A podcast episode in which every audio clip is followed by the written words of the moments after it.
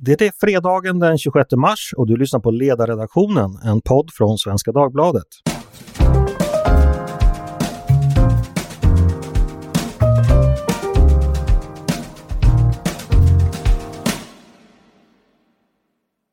Hej och varmt välkomna! Jag heter Andreas Eriksson och jag sitter här med väl valda delar av Svenska Dagbladets ledarredaktion för att få deras syn på veckans händelser. Det är nämligen dags för vår fredagspanel då vi lite informellt står framför våra respektive mexitegelvillor och berättar om vad vi tror om saker och ting. Det har varit ännu en händelserik och får jag säga, ganska omtumlande vecka i politiken och debatten. Så vi behöver hjälp av några riktiga ledarskribentproffs för att reda ut detta. Och det har vi också här, nämligen Peter Wennblad som är biträdande chef här på redaktionen. Välkommen Peter! Tack så mycket! Maria Ludvigsson är också med oss, ledarskribent. Välkommen Maria! Tack för det! Och direkt från lägenhetshotellet ute på Lidingö, Mattias Svensson, ledarskribent. Välkommen du också! Tack så mycket! Vad fint att ni är här. Mår ni bra allihopa? Ja, ja. Ja, symptomfri som man brukar säga i dessa dagar. ja, jag, precis. Jag testades igår med så här stick i fingret och det visade sig att jag varken har antikroppar eller några andra kroppar, jag på säga. Jag är både frisk och eh, har heller aldrig haft det. Det var tråkigt att höra. Vi, vi beklagar alla detta. Ja. Eh, jag tänkte vi skulle börja med att blicka några dagar in i framtiden. Eh, för i helgen, närmare bestämt nu på söndag, möts Liberalernas partiråd för att slutligen, eller eventuellt, eller kanske, eh, fatta beslut om hur partiet ska ställa sig i regeringsfrågan efter nästa val. Partiledningen med Nyamko Sabuni i spetsen vill, om jag har uppfattat det rätt, vilket jag kanske inte har, att man ska ställa sig bakom en borgerlig regering även om en sådan behöver sverigedemokratiskt stöd för att tillträda och få igenom sin politik. Ungefär hälften av Liberalerna tycker det här är en lysande idé, den andra hälften tycker att det är en vansinnig idé. På söndag ska de här sidorna mötas som jag tror kan vara den mest episka fighten sen Rocky Balboa mötte den där ryssen som spelades av Dolph Lundgren i Moskva, om ni minns. Mattias? Vem är vem? Vem det är? Ryssen. Han hette Ivan Drago och han var en produkt av eh, det ryska eh, kollektivistiska kommunistiska systemet. Eh, su suveränt dopad naturligtvis. Medan Rocky då som kom dit, han var en, en symbol för den amerikanska individualismen och frihetstanken. Det finns ett väldigt fint träningsmontage i den här filmen då, där, där Rocky är ute på landsbygden och tränar och lyfter höbalar och sådär medan, medan då Dolph Lundgren står i ett laboratorium och får massa eh, sprutor insprutade i sig. Så det Just det. Visar Jag tydligt... tänkte på vilka, vilka liberaler de representerade, vilken sida. Ah, det! Ja, det vågar jag inte uttala mig om för då, då kommer säkert någon bli arg. Kan bli ett fel, ja. ja. Men Mattias, eh, du är en debattör som har gjort dig känd för att vara något av en skeptiker till allt som Liberalerna tar sig för. Vad tror du om detta, eh, det här partirådet? Kommer vi få se ett mindre splittrat parti på måndag? Kommer Saboni ut som Rocky Balboa eller som Dolph Lundgren? Ja, alltså det här är ju snarare en match i division 4 måste vi erkänna. En, eh, eh, och, och sådana blåbärsmatcher kan ju, kan ju vara nog så eh, eh, inflytelserika. Men frågan är ju lite grann hur man, hur man lyckas hamna där. Här har vi alltså ett parti som förvisso har ett folkpartistiskt arv, men som ändå till namnet eh, förvaltar den liberala traditionen. Eh, och detta i en värld där det liksom inte saknas stora frågor och utmaningar för liberala partier. Därför att vi har liksom en, en eh, nationalistisk antiliberalism, eh, vi har en ekonomisk antiliberalism från vänster, eh, vi har liksom hela den, den globala perspektivet på covid där det började liksom, och, och, vi har fortfarande väldigt mycket nationalism, men det som ändå har funkat har ju visat sig vara just internationellt samarbete, handel och annat som, som fyllt på och sett till att vi inte har brist på mat och toalettpapper. Förlåt om jag avbryter Mattias, är din poäng ja. alltså att, de, att Liberalerna pratar om helt fel saker? Är det, är det dit du är på väg? Det är, ju, det är ju fascinerande att, eh, och, och det här är ju typiskt det folkpartistiska, att, att då väljer man att slita sig själva i stycken över frågan om man ska vara den sista vagnen i ett socialdemokratiskt tåg eller i ett konservativt tåg. Eh, och, eh, och, och, det är ju det som ska avgöras i helgen. Eh, det här är inte första gången, alltså eh, Torbjörn Nilsson har ju i SvD skrivit om, om när alkoholförbudet hade lite samma effekt. Då, då slet man sig alltså partiet i stycken över viljan att totalförbjuda eller, eh, eller bara extremt hårt reglera och eh, och, och, styra alkoholpolitiken. Och den som är intresserad av den frågan kan ju gå till min, min bok Så roligt ska vi inte ha det. Men så roligt ska vi inte ha det här. Men det här, det här är ju ett parti som, väljer, som alltid väljer de mest udda striderna och, eh, och det gör att det blir väldigt svårt att förstå för, för en utomstående. Fast jag tycker inte det är så jättesvårt att förstå. Det rör ju sig om två konkreta alternativ där man kan stödja den ena eller andra. Eller, eller köper du inte den, den problemformuleringen alls? Alltså, jag, jag, jag för, om, om, man, om man är lite halvdan, alltså det här eh, parlamentariska läget gör att man kan, man kan liksom inte få sitt eh, förstahandsalternativ, vilket ju för Liberalerna är att vara en del av, av en allianskoalition eh, som inte längre finns eh, och som inte har tillräckligt med mandat för att regera i vilket fall. Eh, och att, att man då inte åtminstone är beredd att pröva båda och spela ut dem för varandra är ju, är ju för mig obegripligt. Därför att hur ska man hur ska man veta vilket som är det bästa och vad kan man sätta bakom ett hot att lämna? Nej, men det här är inte bra nog för oss. Ja. Då, då får det bli något annat. Men, men nu ska man alltså i förväg ha ett, ett beslut på vilket ställningstagande man ska ha, vilket ju liksom är att skjuta sin egen förhandlingsposition i foten nästan hur man landar. Då fattar jag vad du menar. Det, det, det var väldigt, väldigt klokt. Eh, det, det, är någon slags, det är någon slags parlamentarisk femårsplan som de försöker utarbeta.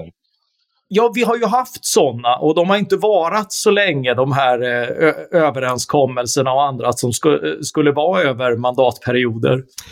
Vad säger du Maria? Eh, om vi, vad, vad, tror du Liberalernas, eh, ja, hur det nu går, vad skulle olika beslut från Liberalerna betyda för svensk politik som, som helhet?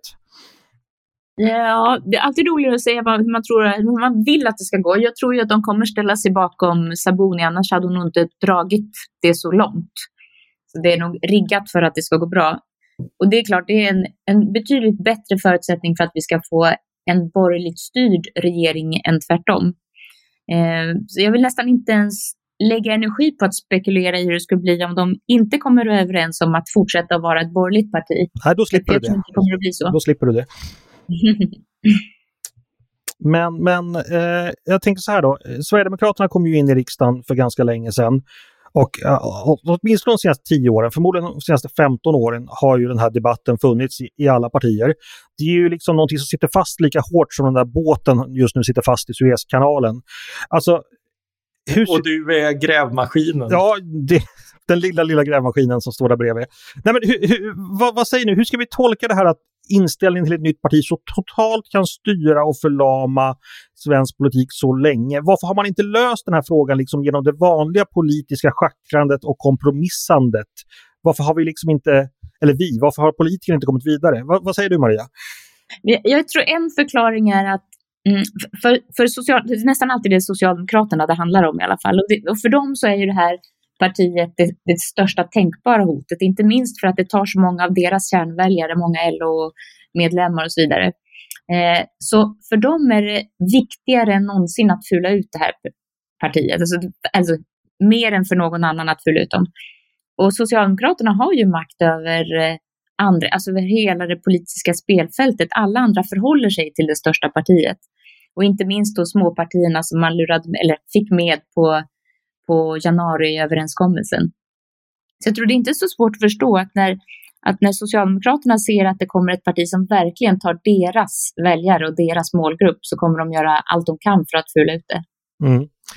Eh, Peter, har du några tankar kring det här eller är du så less på, på hela debatten att du inte orkar säga något? Nej, nej, nej, jag tycker nog ändå att den är ganska eh, spännande.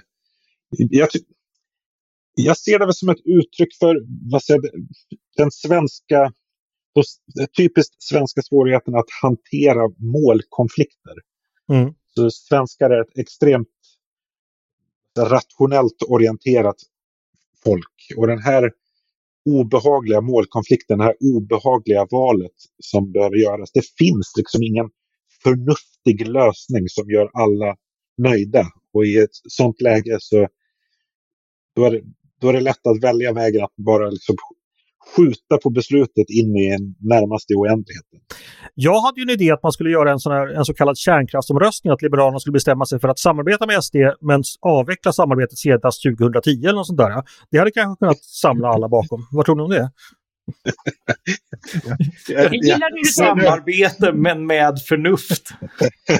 jag, jag, känner på, jag känner på mig att det förslaget nu kommer att väckas på söndag. Ja. Väck inte den björn som sover. eh, ja, nej, men vi får se. Eh, det blir spännande på söndag. Hur, hur, kommer ni följa det liberala partirådet? Kommer ni tälta utanför och vara på plats eller kommer ni eh, ta det via sociala medier? Hur, hur tänker ni? Ja, jag, jag, tror faktiskt att jag har bättre saker för mig på, på söndag än att följa ett folkpartistiskt partiråd. Jag, Ja, det hade varit sorgligt om vi sa något annat, att vi skulle sitta inne och kolla. Mattias, dig behöver jag inte fråga förstås. jag, väljer ta, jag väljer att ta del av highlightsen efteråt, ungefär som när jag ser på fotboll. Ser ja. hela matchen så somnar jag. Ja, vi kommer säkert få se det på Agenda nedklippt i, i lagom form. Ja, vi, vi ska lämna detta ämne innan eh, Mattias blir alltför arg och då så ska vi prata faktiskt om ett konkret politisk sakfråga, eh, nämligen betyg. För nu är det ju så att enligt eh, januariöverenskommelsen så ska man nu få in, eller skolor som vill det ska kunna få, få ge betyg redan från fyran och detta har nu eh, beslutats. Och, eh, ja, den första frågan så här, betyg från fyran, eh, är det bra eller dåligt eller är det någonting man inte behöver bry sig om så mycket? Vad säger du Maria? Jag tror nog att det är bra med betyg.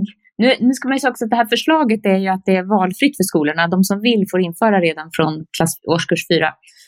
Så det är väl en eh, light-variant. Jag tror betyg är, bra därför att det, det är på något sätt bara att ytterligare visa att verkligheten finns. Därför I verkligheten så har man ju olika kunskapsnivåer oavsett om man sätter ut det på ett papper eller inte. Och det är det som är problemet. Får man inte koll på det så är det också många elever som hamnar efter. Och det är många exempel på i skolforskning men också i praktiken att det allra viktigaste är att se, följa eleverna tätt hela tiden så att man ser precis när de faller efter. Om de inte riktigt hänger med kan bero på massa olika saker.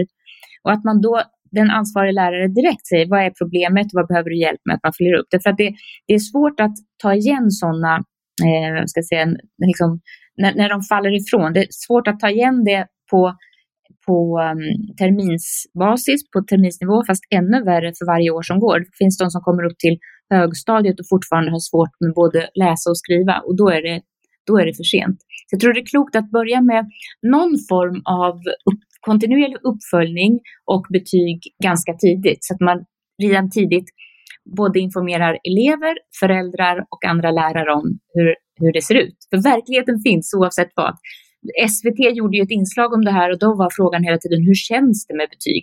Det kan man också diskutera, men det är inte det som är grundfrågan. Grundfrågan är hur ser det ut egentligen med kunskapsläget och det tar man enklare reda på följer enklare upp om man har betyg. Just det.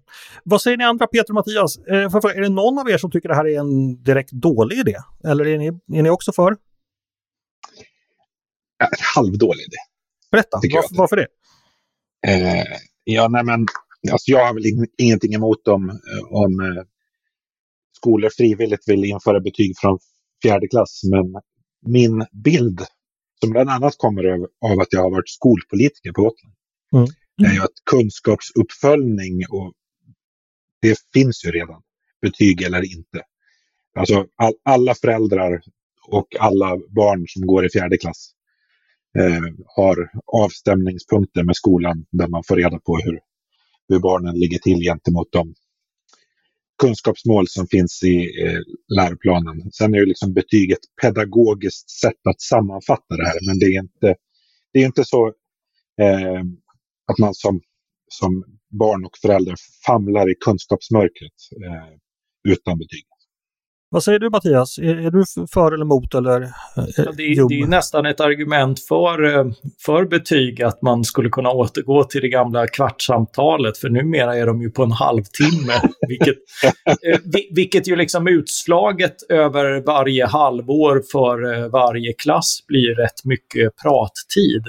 även om det på många sätt. Det, det är ju eleverna som får leda det där och sådär. Så det, jag, jag tänkte gå tillbaka till min egen skoltid och säga att jag fick betyg i tredje klass minsann och det har inte skadat mig. Men så insåg jag att jag saknar examen och eh, gick om i gymnasiet så det argumentet föll lite grann. Det, hade, det skadade dig Ja, helt enkelt.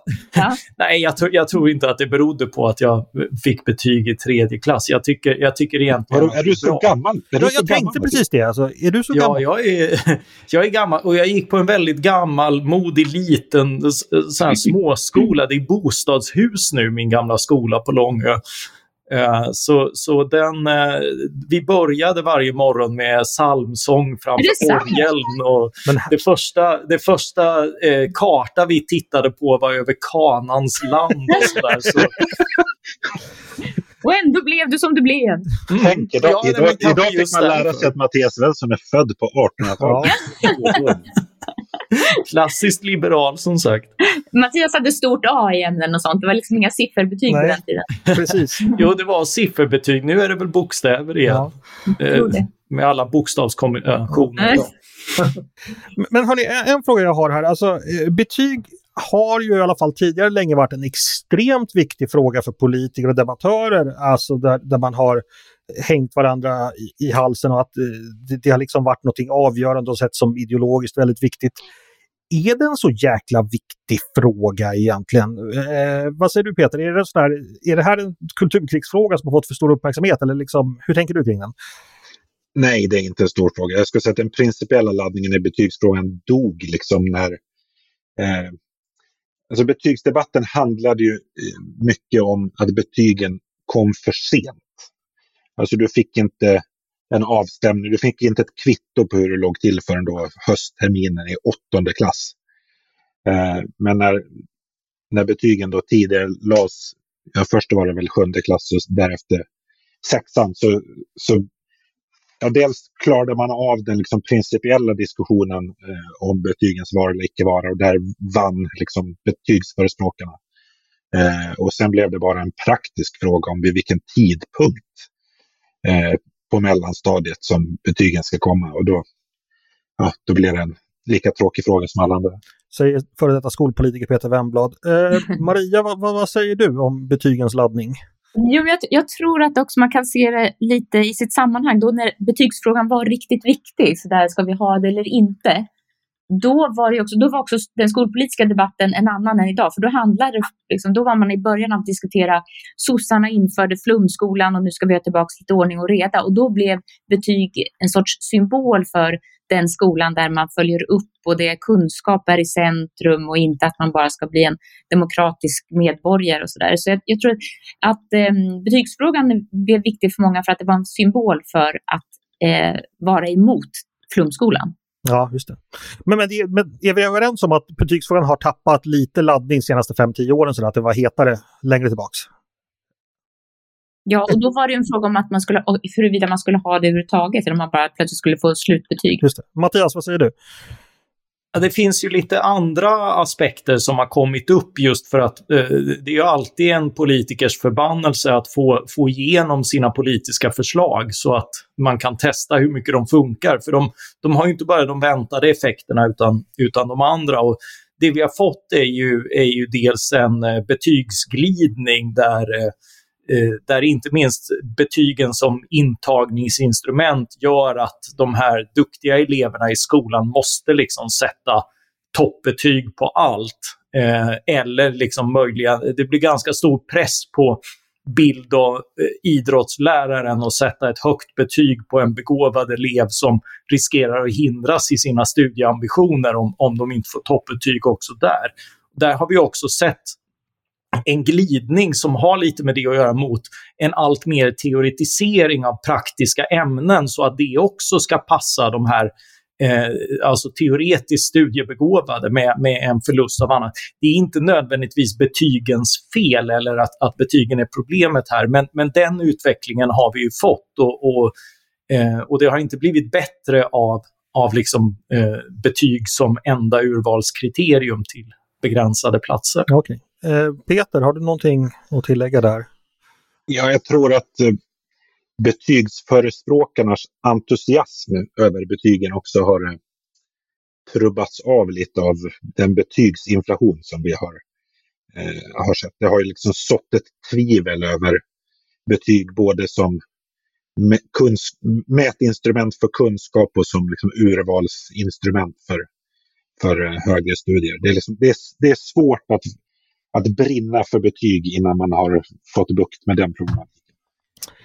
Vi ska gå vidare hörni. Eh, nästa ämne handlar om klimatpolitiken. För det var ju så att i veckan fick vi då en eh, årsrapport från det klimatpolitiska rådet där de utvärderar hur Sveriges arbete för att nå då de klimatpolitiska eh, målen har, har gått under året. Och Peter, du skrev en text i veckan, jag tror den publicerades Igår var det va? Idag. Idag var det. Idag. Idag. Ja. Eh, och den handlade då om att eh, det är en ganska bitsk text där du skriver att de svenska klimatmålen då som är fram till 2045, om 24 år, de är orealistiska.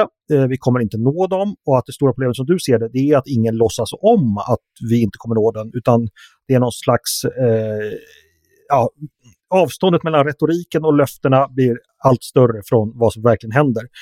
Eh, vad är problemet med det här? Problemet är att alla diskussion, politiska diskussioner som bygger på en eh, fa fantiserad version av verkligheten, det slutar förr eller senare eh, illa. Men, och sen, jag får bara avbryta där, bara för att vi ska förstå hur fantiserad den är. Du, du gav lite exempel i texten. Alltså hur, vad, hur snabbt behöver det gå och hur snabbt går det i verkligheten? Bara så vi vet det. Så, Sverige ska ha noll utsläpp om drygt 20 år. Och för att förstå hur, hur eh, kort tid 20 år är med politiska mått mätt så, så så bara att bygga Slussen i Stockholm är ett projekt som har snart pågått i två decennier. Att bygga en stamnätsförbindelse från Närke till Skåne har hållit på i 16 år och den är fortfarande inte klar. Du tog ju den här bilden fört med tanken som sitter fast i Suezkanalen. så det illustrerar väl liksom du, du vänder inte en oljetanker i en smal kanal. Liksom. Nej. Eh, så politiska processer i alltså vilka som helst. Alltså du kan försöka genomföra en ganska bagatellartad förändring. Så tar i regel en hel mandatperiod. Här är liksom enorma samhällsförändringar som ska förberedas och kommas överens om och genomföras Eh, och bara de politiska processerna tar enorm tid. Sen har du liksom massa praktiska utmaningar. Alltså att bygga ut elnätet för, för att elektrifiera Sverige. Alltså du måste ha mans, manskap och maskiner för, och kompetens för att, att göra det här. Och alltså, som det är nu så klarar inte Svenska kraftnät av att liksom hålla renovera det befintliga elnätet eller liksom bygga nya ledningar i den takt som är beslutade nu och hur de ska förmå sig att göra det framåt. Det är liksom en, en gåta för mig och det är bara den lilla eh, beståndsdelen. Liksom. Men, men om du kan se det här och, och allt, alla sakkunniga kan se det här, hur kommer det sig att eh, vi inte pratar om det då? Mer? För därför att det är en smärtsam diskussion. Därför att de, Eh, vi har någonstans liksom nått en politisk och vetenskaplig enighet om att hur, alltså hur klimatförändringar ser ut, vilka effekter det kan leda till med olika eh, vid en och en halv graders temperaturhöjning. Och två, alltså vi har ju en akut situation. Mm. Eh, och då, då är det liksom smärtsamt att komma till insikt att, att eh, samhället har väldigt svårt att hantera akuta eh, förändringar. Att det, att det går långsamt. Så det, det, är en tuff, vi har investerat väldigt mycket i, i, i, eh, i klimatmålen som sådana. Eh, och då gör det ont att liksom komma, komma till insikt om att de inte är realistiska. Sen kan de ju fortfarande fungera som alltså, någon slags ambitionshöjare. Eh, men, men att jag tycker att den charaden att låtsas att vi kan nå klimatmålen, de svenska klimatmålen på så kort tid, den, den riskerar att bli farlig till slut. tänkte vända mig till dig Mattias. Du har ju skrivit mycket om miljöfrågor, bland annat en hel bok som handlar om eh, miljöpolitik för moderater. Delar du Peters bild av hur klimatmålen, hur att de är så orealistiska och delar du hans eh, eh så att säga varning att det här inte är, att det här helt enkelt eh, inte är så bra? Ja, ja, absolut. Och jag menar, det, det är ju också, alltså, vad, vad, tror ni Greta känner besvikelse över? Det är ju precis det här. Alltså hon, eh, hon har hört de här fagra toppmötestalen eh, och, och sen kommit till insikt om hur oerhört långt från att leverera på den punkten som, eh, som man är i praktiken. Alltså, man har pratat, så, det, det, har varit så oerhört bekvämt som det alltid är att samla politiker på toppnivå, enas om ett, eh, ett ambitiöst mål eh, och sen åka hem och känna sig god och fin i själen. Och sen har, har detta upprepats i Sverige och, och på EU närmast ritualmässigt. Eh, och, och det här i sig, liksom, eh, ifrågasätter du det så får du en sån där liksom intressant metadebatt om, eh, om där, där du liksom vill underminera eh, fina mål. Eh, och, och, det här är ju, jag, jag, tycker Peters liknelse med, eh, med eh, flyktingfrågan är bra. För ser man det på ett sätt så finns det väldigt starka skäl för eh, att försöka begränsa upp, uppvärmningen till 1,5 snarare än 2 graders mål. Det är ganska, ganska stora konsekvenser som som ligger framför oss med en sån uppvärmning. Det är förlust av i stort sett hela eh, korallreven, det är eh, värmeböljor som drabbar över en tredjedel av befolkningen regelbundet istället för omkring 14 procent, med en, bara skillnaden mellan 1,5 och 2 procent. Alltså det, det kickar igång en massa eh, effekter som, eh, som, som vi idealt sett skulle vilja undvika. Och på samma sätt, vad är det, 40 miljoner människor på flykt över världen. Det är klart att, att, att vi borde ha en målsättning om att de fick en fristad någonstans i, en, en fungeran, i ett fungerande land där de kunde börja om med livet igen. Det, det hade varit ett, ett lovvärt mål. Men att, att prata om det tar ju inte oss närmare det målet och lösningen är ju inte, det har vi ju sett, eh, Sverige kackar ju fortfarande ihop om 150 000 av dem kommer till Sverige.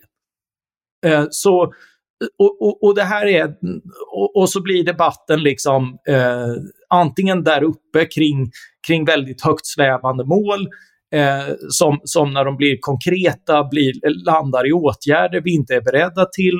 Eh, och, och sen eh, å, an, å andra sidan liksom att, eh, att, att, man får en, en, en eh, defaitism och, och ja. Nej. Alltså, no, nollutsläppen är ju någon slags eh, liksom klimatpolitikens svar på eh, Europa bygger inga murar. Det, det, det blir tomt. Eller ett narkotikafritt samhälle om 10 år eller 20 år. Eller vad? Har ju också förekommit. Ja, ja det, det, finns ju en massa sådana här liksom, eh, utrota fattigdom och sådär. Men det där målet är ju också Eh, fattigdomen började ju plötsligt sjunka. Det var ju inte för att man hade en grandios målsättning, för det har man haft vart tionde år sedan 50-talet. Eh, men plötsligt så sattes processer igång eh, som eh, minskade fattigdomen, som ökade produktionen i, i, i fattigare länder, framförallt Kina, Indien. Eh, för, för allt de utvecklas till politiskt nu så har de ju haft en fantastisk utveckling med människor som lyfts ur fattigdom. Och på samma sätt så, så sker det ju en massa spännande på klimatområdet. Det går inte alls i den takt som eh, som liksom de här målen eller, eller styrs av de här målen. Men, men, men det sker en hel del spännande, men det kommer att vara var liksom lösningar som, som kickar in i ett helt annat tidsspann och inte låter sig styras av att, att politiker har grandiosa mål. Och det är ju bara som verkligheten är. Maria, vad, vad säger du? Ja, men min reaktion är väl samma som alltid egentligen, där att när politiker eh, säger att bara vi, bara vi Eh, beslutar oss för detta så kommer det att hända. Det är någon sån här planhus eh, aspekt på hela världen och hela utvecklingen. Att bara vi bestämmer det så blir det så. Det är någon sån här megagosplan även för miljön. Och det vi alltid har svårt att beskriva, det är just det att det som kommer att lösa våra problem, det är sånt som kanske inte som inte ens har med politik att göra. Hur man löser eh, energifrågan och allting detta som är egentligen utvecklingsfrågor. Det handlar om nya uppfinningar, nya sätt att arbeta på, allting detta som alltid händer längst ut i samhället och aldrig centralt samlat på ett megamöte i Paris eller vad det än är. De kan inte komma fram till det. De kanske ja. kan komma överens om en målsättning, men det är också, det är verkligen eh, det blir väldigt eh, traditionellt politiskt, vi skakar hand och så åker vi hem en, en del har ju kommit eh, igång på grund av det här. Alltså det här påverkar ju företagskalkyler och sådär. Det finns en, en investeringsboom som pågår kring, eh, kring eh, alternativa sätt att producera som bygger på att, eh, att liksom vi, vi, tar, vi tar den här vägen, vi fasar ut mycket av fossila utsläpp och sådär. Eh, det, det, det, får man ju ändå säga att det, eh, i, i näringslivet så tittar man lite grann på, jaha, det här är målen. Eh, hur, hur, och, och, så börjar man göra en massa saker. Eh, men, men det är fortfarande liksom väldigt lite som talar för att vi kommer vara ens i närheten av målen.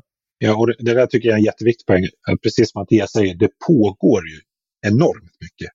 Eh, inte minst inom näringslivet. Alltså I det här fallet är det ju liksom marknaden som driver på omställningen och politiken snarare bromsar. Men även med det, alltså mm. även näringslivet eller även marknaden har liksom bara 365 dagar om året och 24 timmar på dygnet. Eh, det tar tid att genomföra stora förändringar. Fast Peter, får jag bara fråga, är det inte politiken som har åtminstone varit med och initierat det här marknads i och med att man, man skulle kunna säga att politikens uppgift är då att peka ut hit ska vi och det här kommer vi inom sinom tid reglera. Sätt igång och börja anpassa er och då börjar marknaden göra det också. Finns inte den mekaniken tror du? Jo, det tror jag. Eh, att det, alltså, klimatmålen har varit, så Parisavtalet har varit en, är en enorm motor för, för näringslivets omställning, inte bara i, i Sverige. Eh, så att jag tycker att alltså, det är bra att sätta upp eh, mål, men det är farligt när det blir en... Eh, jag tycker att den här tidtabellen är, är eh, riskerar att bli farlig eftersom den inte är realistisk. Hörni, vår tid börjar rinna ut. Jag tänkte passa på att ställa en sista fråga till er. Eh, I helgen så är det ju så att vi ska ställa om klockan igen och det är ju alltid ett kärt samtalsämne. Jag tänkte en timme kommer faktiskt försvinna i helgen. Varifrån kommer ni ta den timmen? Kommer ni sova mindre, träna mindre, eh, ägna er åt några hobbys mindre?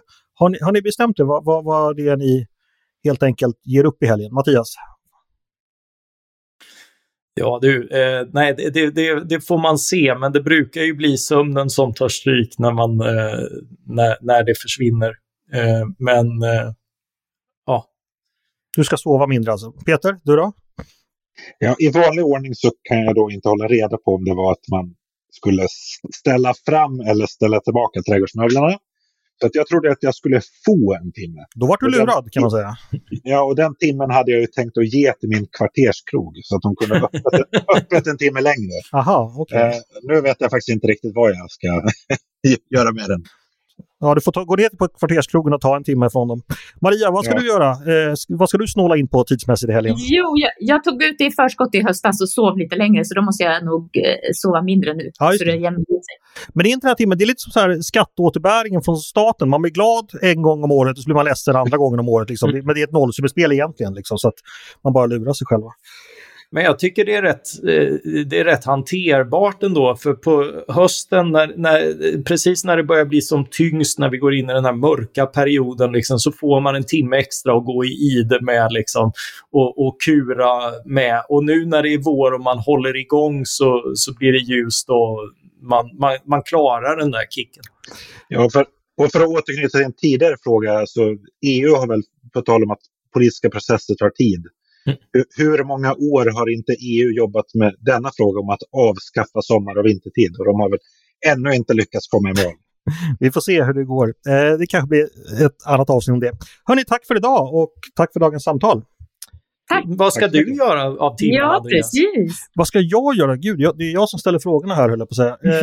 Eh, nej, jag får väl... Eh, jag jobbar nog lite mindre, mindre tror jag.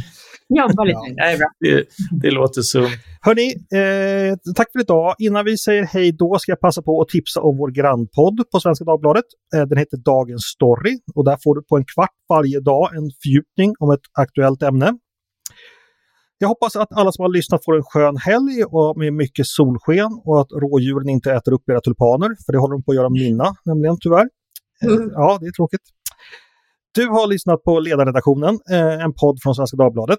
Eh, vill ni höra av er till redaktionen med tankar och synpunkter om det vi har diskuterat eh, eller om vad vi ska diskutera i framtiden så är det bara att mejla till ledarsidan snabel svd.se. Med det så säger jag tack för idag. Producent har varit Jesper Sandström. Själv heter jag Andreas Eriksson. Jag hoppas att vi hörs igen snart.